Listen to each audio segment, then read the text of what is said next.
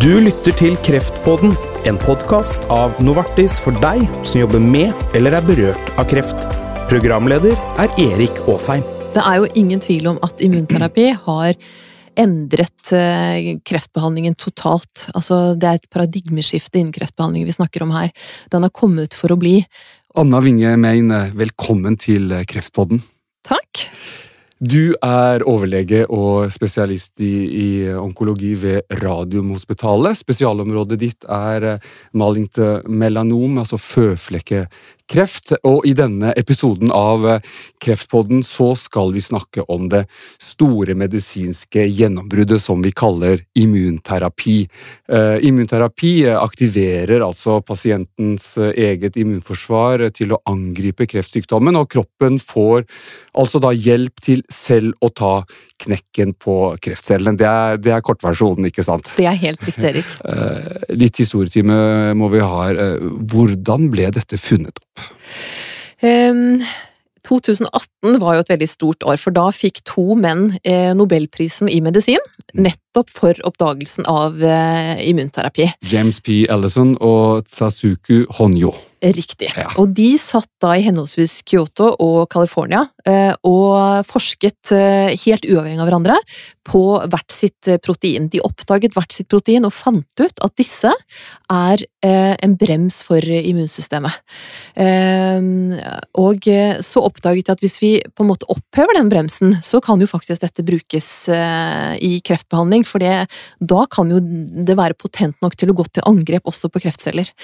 Og det var litt tilfeldig. Det var ikke slik at de nok hadde tenkt å finne løsningen på kreftgåten, men eh, de hadde en lang rekke med, med nøysommelig forskning og, og studier, eh, og i 1994 så kunne jo Alison vise at han kunne kurere mus med føflekkreft. Mm. Men det tok da seks år før det kom noen eh, studier som Altså før det kom sånne ordentlige eh, studieresultater som viste at dette virket i mennesker også. Eh, og i løpet av de, altså da studiene kom i 1994 med at han kunne kurere mus, så var det ikke den helt store responsen på det. Det var litt sånn at ja ja, men Så det, det måtte jobbes litt, de måtte overbevise folk litt for at dette virkelig var noe. Mm. De har vært utrettelige eh, i arbeidet, så det tok mange, mange, mange år eh, fra, fra petriskål, altså til og mikroskop, til de endelig kunne bruke det. Og da kom eh, resultatet for de to stoffene de fant, i 2010 og 2011. Ja, en høyt fortjent eh, nobelpris også. Absolutt, ja. ja. Husker du din eh, første pasient som du behandlet med immunterapi? Det gjør jeg. Vi eh, jo, fikk jo lov til å bruke immunterapi for eh, føflekkreft. 25. november 2015, og den mm. datoen husker jeg veldig godt. Og første pasienten jeg da startet med immunterapi, var tre dager senere. Og det, var, det hadde jeg gått og ventet på så lenge, og det hadde pasienten også ventet på så lenge, at det var en skikkelig sånn jubeldag, altså. Kunne, jeg husker pasienten, jeg husker hele settingen, eh, og det å få lov til å endelig ta i bruk noe så god medisin, det var eh, fantastisk. Og var du da sikker på at det ville virke? Ja, det var jeg. Ja. det er jo altså det Sikker og sikker. Man må liksom bruke behandlingen og, og, satse på at den gjør det. Vi vet aldri om den virker eller ikke, men vi må ta utgangspunkt i at dette kommer til å virke. Og så må vi heller ja, se, se etter hvert. Men vi må på en måte tro når vi starter. Hva er immunterapi? Du, immunterapi er en behandling som du sa veldig godt i innledningen her. Altså, det det går på, er at man, eh, man lar kroppens egne eh, immunceller få lov til å angripe kreftcellene. Vi har et immunsystem som er fullt kapabel til å drepe disse kreftcellene. Altså, de er, det er veldig, veldig potent og sterkt, men kreftcellene har funnet lure måter eh, som de kan hemme disse T-cellene på, som er gjerne de som gjør dette drapet. Mm. Og når vi gir immunterapi, så eh, gir vi eh, Man kan også si at det er en behandling som må, man fjerner bremsen på immunsystemet. Mm. Man har en brems eksempel i eh, lymfeknutene. Eh, og hvis man fjerner den, så lar man disse T-cellene få lov til å reagere um, og slippes ut uh, i systemet, sånn at de søker seg mot svulstene. Og så har man en annen type som virker i svulstene, der man fjerner bremsen og ikke lar de bare stå helt omobiliserte og stille, men faktisk får lov til å gå til angrep på den kreftcellen. Mm. Og dette er en eh, terapi som man får gjennom en, en, en, en kanyle inn i, inn i, blodårene, og så finner den veien, veien selv, ikke sant? Det stemmer. Ja. Pasientene kommer og får en eh, sånn intravenøs behandling hver annen til fjerde uke, det varierer litt. Mm. Uh, og så gjentar man det opp til to år. Kommer litt an på hva slags behandling man får. Men så søker disse medisinene seg ut og gjør effekten på immunsystemet og immuncellene rundt om i kroppen. Mm. Men det er heller ikke én behandling for alle? Eller er den, hvor individuell er den? Du vet hva, Den er ganske, eh, ganske sånn generell. Det finnes eh, Per i dag så finnes det tre forskjellige sånne typer. Eh, og det er litt sånn at man bruker Man bruker den vanligste bruker man for de fleste kreftformene. Altså føflekkreft, lungekreft, blærekreft osv. Og, så og det er den samme typen behandling da som alle får. Mm. Hva er årsaken til at eh, immunterapi virker der eh, kjemoterapi eh, feiler?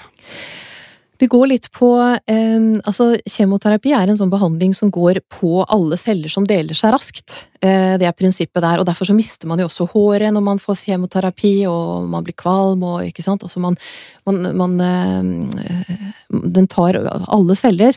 Eh, mens immunterapi virker spesifikt ved hjelp av immun, altså cellene. Den lar immuncellene få gå ut og gjøre jobben selv.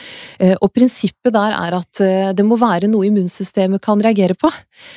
Og det har enkelte kreftformer, som for eksempel den kreftformen jeg jobber med, malignt melanom eller føflekkreft den har ganske mange sånne mutasjoner. Det vil si at i, i den derre spiraltrappen som er DNA inn i cellen, eh, genene som er i den cellen, de er ganske sånn eh, endret. Når det har blitt en kreftform i kroppen vår, så har den utviklet seg såpass raskt og laget ganske mange sånne mutasjoner, som vi kaller det, eller endringer i det, mm. som da er annerledes enn vårt vanlige DNA. Og det gjør at man kan reagere på, på det. Immunsystemet tenker at vent litt, dette er ikke vanlig, dette er vi ikke vant med. Mm. Sånn pleier det ikke være. Og da trigges det en, en respons. Men hvor fort vet man om det virker? Det varierer veldig. Det kommer an. Noen ganger så gir vi to typer immunterapi sammen, og det er litt mer potent eh, og kan virke raskere. Men sånn i gjennomsnitt så tar det en stund før immunterapi virker. Mm. Eh, hvis man tenker på mm, cellegiftbehandling, så virker det ofte raskere. Man kan ofte se en effekt før. Men man kan også ha en veldig rask effekt med, med immunterapi, men det er veldig individuelt fra person til person. Men opp til en åtte åtte til tolv uker i hvert fall kan det ta før man ser en effekt. Så det gjelder å ha is i magen for både lege og pasient. Men det å bli helt frisk, det, det tar lengre tid for å slå fast?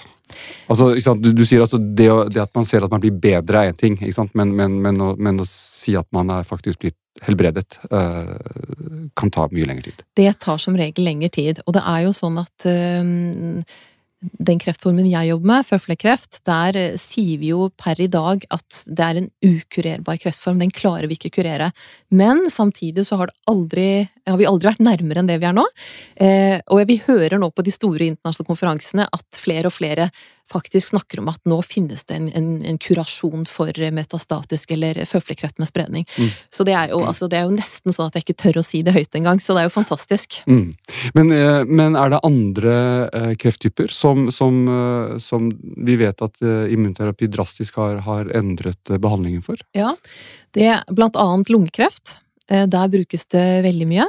Så har man blærekreft. I en del hode-halskreftformer bruker vi det. Um, I noe som heter uh, Hodgkins lymfom kan man også bruke det, veldig god effekt. Eller litt sjelden eh, hudkreftform som heter merkelcellekarsinom.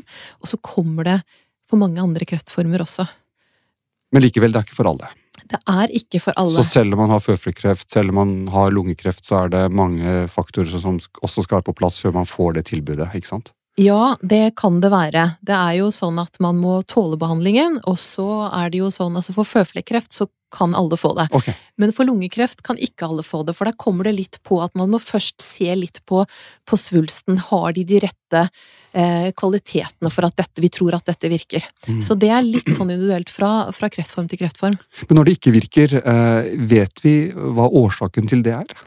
Nei, det vet vi ikke. Det er jo sånn at eh, min drøm hadde jo vært at jeg kunne tatt en blodprøve eller et eller annet av en pasient og sagt at på hos deg så kommer immunterapien til å virke, eller hos deg kommer den ikke til å virke. At vi kunne forutsi det.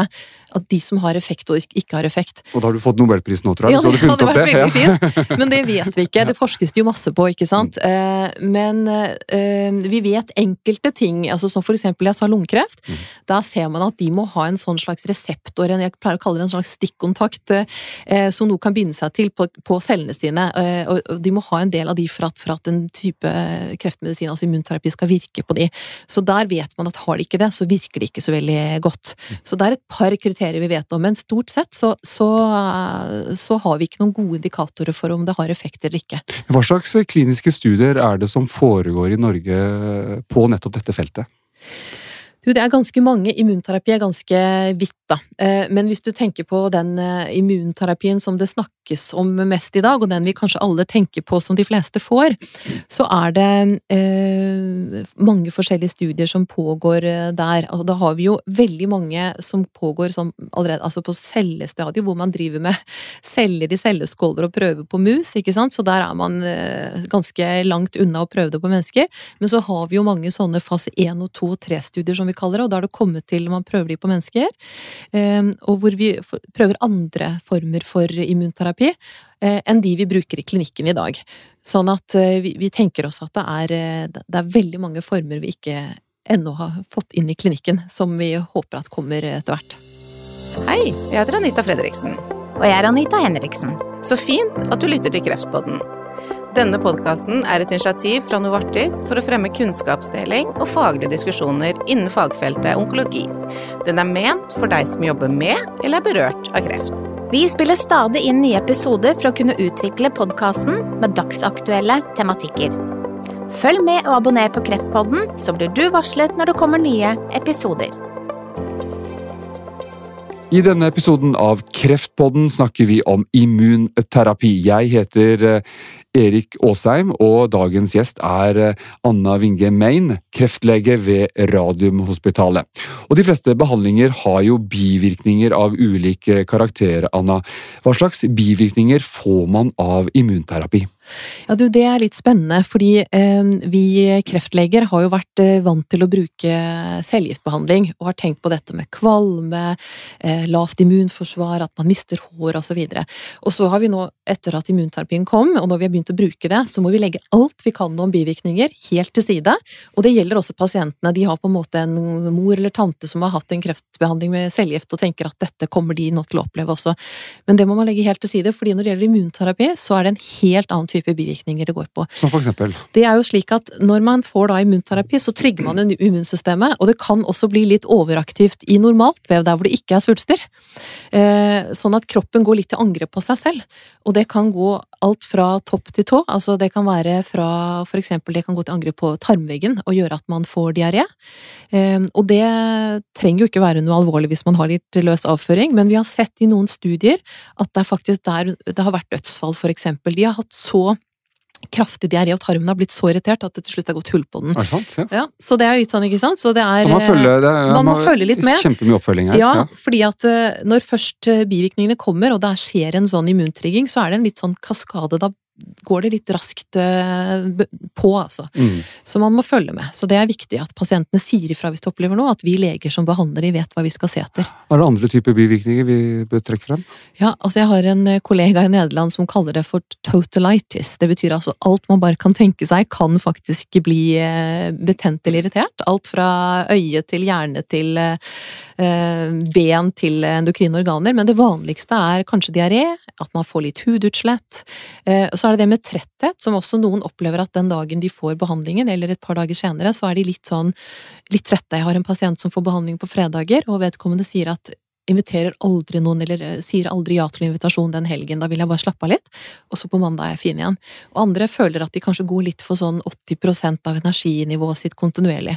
Så tretthet har man ikke snakket så mye om i de store studiene, for det er litt sånn som vi tenker at det er ikke så lett å måle, men pasienten opplever nok det litt mer enn en det vi legene snakker om. Så er det, eh, kan man bli tungpustet, øh, og så er det jo sånn at man kan få rare bivirkninger i form av at disse endokrine organene, de som lager hormoner i kroppen vår, de kan bli angrepet. Så vi har jo noen som har fått eh, diabetes type 1, for eksempel, som jo ofte er noe man blir født med får tidlig, Mm. eller stoffskiftesvikt for eksempel. Så helt sånne andre bivirkninger enn det vi vanligvis eh, har sett, da. Mm. Og det sier litt om hvor, uh, hvor effektiv denne medisinen også er. At Hvor det måtte, kan gi den type bivirkninger. Ja. ikke sant? Ja. Mm. Men, men det kreves jo da eh, veldig tett oppfølging fra legen. Er det, er, er det, er det mer oppfølging uh, overfor en pasient som har immunterapi, uh, som går på immunterapi, enn på cellegift eller stråling? Ikke sant? Altså, Altså, det, eh, det jeg pleier å si, er at det viktigste er god opplæring av pasientene. Mm. Så når man starter immunterapi, så må de få opplæring i hva som kan eh, oppstå. Og i og med at nærmest alt kan oppstå, så er det vanskelig å si at ikke sant? En, Mm. en lang remse med alt fra hjernebetennelse til, ikke sant. Men, men si litt dette er det vanligste, og si at opplever de noe unormalt, så ta kontakt. Og da kommer man til trinn to. De må vite hvem de skal ta kontakt med, det er også viktig. Mm. Og så kommer vi til trinn tre, og det er at vi som tar imot denne kontakten, altså vi helsepersonell, vi må vite hva vi skal gjøre med det.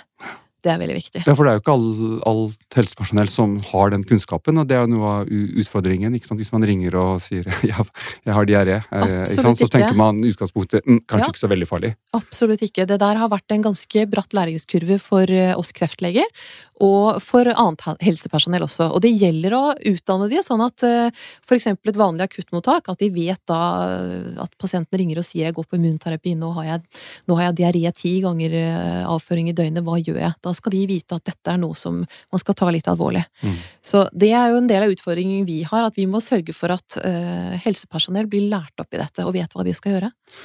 Og så har det jo vært utrolig mye medieoppslag eh, rundt immunterapi, så, så, så man tenker jo da, ikke sant, får man kreft, så tenker man at eh, ja, jeg vil få det tilbudet jeg òg, men, men, men det er ikke, eh, som sagt, eh, som du sa tidligere, det er ikke sikkert at alle får det. Men hvilke faktorer er det som, som, som egentlig spiller inn hvis du ikke kan få det? Altså eksempel hvis du har andre typer sykdommer, hvis du har sykdommer som måtte allerede har svekket immunforsvaret, eh, hvis du har hiv eksempel, altså er det, vet man at det er mange andre sykdommer som gjør at det ikke kan kombineres?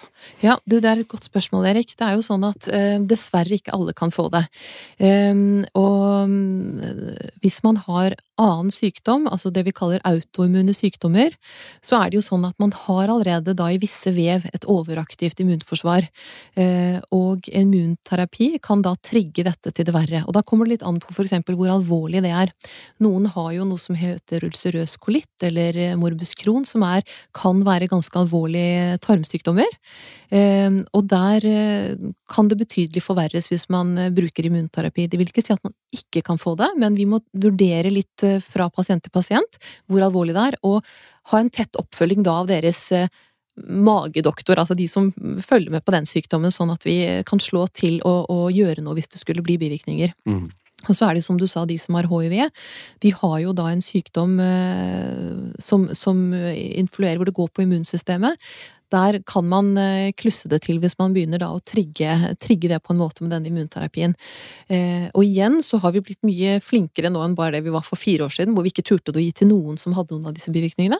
Det gjør vi nå, men vi, vi har respekt for at dette, dette skal vi gjøre i samarbeid da med de som behandler den typen eh, sykdom også. Mm. Hvor vanskelig er det å fortelle dette til en til pasient at sorry, eh, du kan ikke få den? Eh, vet du hva, det, det er veldig tungt. Eh, fordi, eh, som du sa, media også har fokusert veldig mye på dette med immunterapi. Og eh, hvis man ikke kan gi en type behandling av en, av en grunn, for eksempel fordi de har en, en, en tilleggssykdom, så, så blir de veldig lei seg, for de fleste tenker at dette er det, det lovede land, og det er på en måte det eneste som, som kan kurere eller man kan behandle med i dag.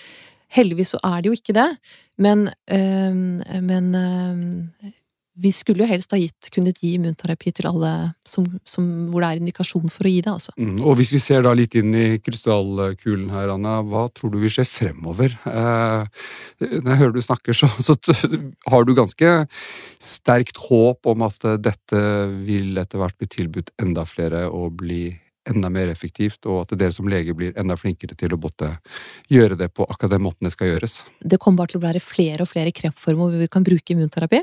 Uten tvil. De i dag som ikke har så veldig god effekt av det, der tenker vi at hvis vi bare legger til en cellegiftbehandling, så kan vi gjøre denne typen litt mer, altså i kreftformen eller svulstene litt mer varme, altså litt mer sånn immunresponsive, sånn at de kommer til, for det er liksom det å slippe til immuncellene. Mm. Eller så kan man bruke strålebehandling for visse former uh, i tillegg, ikke sant. Så det vi snakker om i fremtiden, det er nok mange andre typer, som jeg sa, som er i studier, og som vi ikke engang har begynt med. Mm. Og så er det i tillegg uh, kombinasjoner. Kan man gi denne typen og denne typen sammen, eller skal man gi denne type type A først, og så type B, eller type B først, og så type A, altså sekvensering. Og dette har vi bare begynt å se litt på, sånn at eh, det kommer til å bli mye, mye mer av dette i fremtiden. Og andre typer også immunterapi. Eh, det finnes jo noe som heter CAR-T, for eksempel. Det finnes T-celleterapi. Eh, begge delene går på at man, eh, man endrer litt på T-cellene. At man utstyrer de med et bedre redskap for å gå til angrep. Og CAR-T har jo for eksempel gjort at barn med akutt leufatisk leukemi i Norge, som har fått tilbakefall av sin sykdom, og som det har vært altså, virkelig veldig lite håp for, nå kureres, ikke sant. Det er jo helt fantastisk. Eh, og T-celleterapi det kommer i fremtiden til å kunne brukes sammen med immunterapi, tenker vi, for mer solide svulster, altså ikke de som er sånn blodkreft. Sånn at det Vi har bare begynt.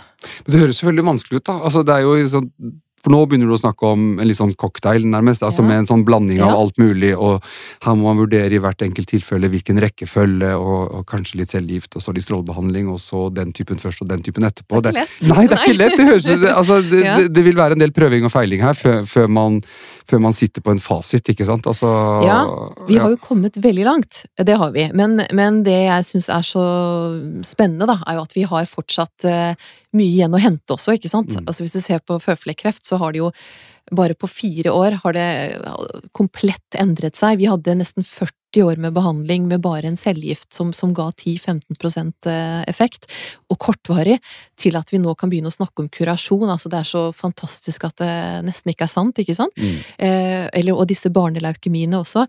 Sånn at, eh, og bare tenk, og, der, og da har vi ennå ikke begynt med å tenke på hvis vi gir dette først og så dette, så kan det bli enda bedre. Eller, altså, det er jo helt eh, Det er jo så spennende. Mm. Lovende og spennende. Men dyrt er det. Men dyrt, det er det absolutt. Og det er, eh, det er nok det som er den store bøygen. Det gjør jo også det at vi ikke kan få bruke alt, dessverre, i Norge. Eh, det er jo et litt sånt kostspørsmål som man også bruker for å bestemme hva slags type behandling kan man gi. Og det mm, er jeg jo veldig glad for at vi kreftlegene slipper å sitte og bestemme, for det der er tøft, men jeg forstår jo at noen må, må ta den beslutningen, og da har vi jo Beslutningsforum som vurderer det i Norge. Mm. Men du sier også til pasienter av og til at sorry, vi kan ikke tilby dette, men, men det er mulig å få dette uh, privat. Som du startet eh, med å si, ikke sant, første pasienten jeg behandlet, frem til 25. november 2015, så hadde jeg Da visste vi at dette var et fantastisk medikament som kunne brukes eh, med ekstremt god effekt hos uh, pasienten med føflekkreft. Jeg fikk allikevel ikke lov til å bruke det. Uh, og jeg satt uh, og hadde da pasienter som var dypt fortvilt, og de spurte men Anna, skal jeg ta opp lån på huset mitt nå? Skal jeg belåne huset og gå privat og kjøpe dette? Veldig vanskelig. Det var veldig, veldig tøffe samtaler.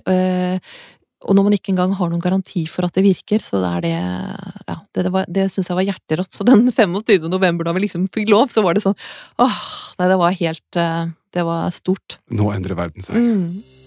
Tre ting å ta med seg fra denne samtalen. For det første så er det jo Altså, immunterapi er noe av det største som har skjedd innen kreftbehandlingen i moderne tid. Og eh, immunterapi har kommet for å bli så er det også sånn at det er en veldig kostbar behandling, og det gjør at eh, det kommer nok til å være slik i fremtiden at ikke alle kan få denne behandlingen. Det er dels på grunn av pris, altså det er veldig dyrt, eh, og så er det ikke alle som, som vil ha effekt av den, dessverre.